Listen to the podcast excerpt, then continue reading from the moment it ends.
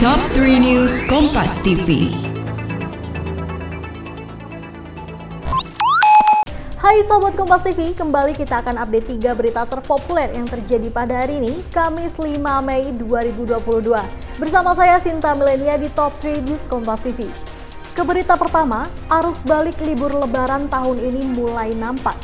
Volume kendaraan mulai meningkat di gerbang tol Cikampek Utama arah Jakarta. Mengantisipasi melonjaknya volume kendaraan, polisi terapkan sistem satu arah atau one way. One way diterapkan dari gerbang tol Palimanan KM 188 hingga Cipularang KM 70. Sementara sejak KM 70, petugas akan terapkan sistem kontraflow hingga KM 47. Pemerintah sendiri menyebut puncak arus balik jatuh pada tanggal 6 hingga 8 Mei. Kamu peduli dengan kesehatan mental? Tenang, Anjaman Jiwa hadir menemani kamu dan akan ngebahas seputar kesehatan mental mulai dari pekerjaan, percintaan, hingga sosial. Yuk dengerin podcast Anjaman Jiwa, persembahan Sonora KG Radio Network by KG Media. Hanya di Spotify. Tenang, kamu gak sendiri kok.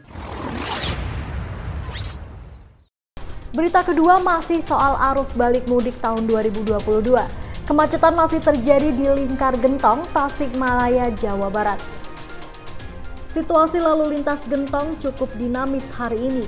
Terkadang macet cukup panjang dan terkadang lancar. Polisi terapkan sistem one way di waktu-waktu tertentu.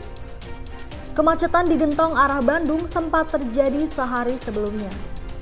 Berita terakhir, dokter anak buka suara soal hepatitis akut misterius yang menghantui masyarakat terdapat beberapa fakta mengenai hepatitis baru ini. Hepatitis akut misterius terdeteksi di sejumlah negara, diduga Indonesia salah satunya. Dokter anak Hanifah Oswari paparkan gejala awal hepatitis akut ini, mulai dari mual, gangguan pencernaan, hingga feses yang berwarna pucat.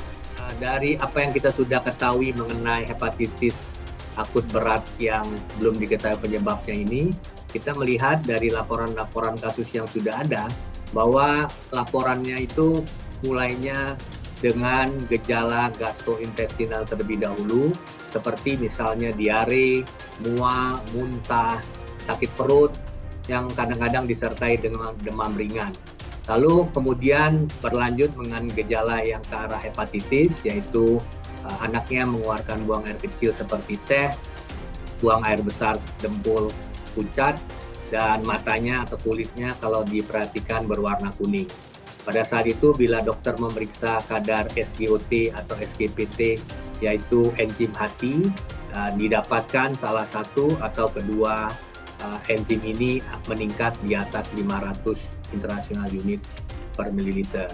Nah, bila berlanjut lagi gejalanya, pasien akan mengalami gangguan pembekuan darah dan Selanjutnya akan terjadi penurunan kesadaran yang dapat berlanjut menjadi uh, kematian bila pasien tidak dilakukan transplantasi hati.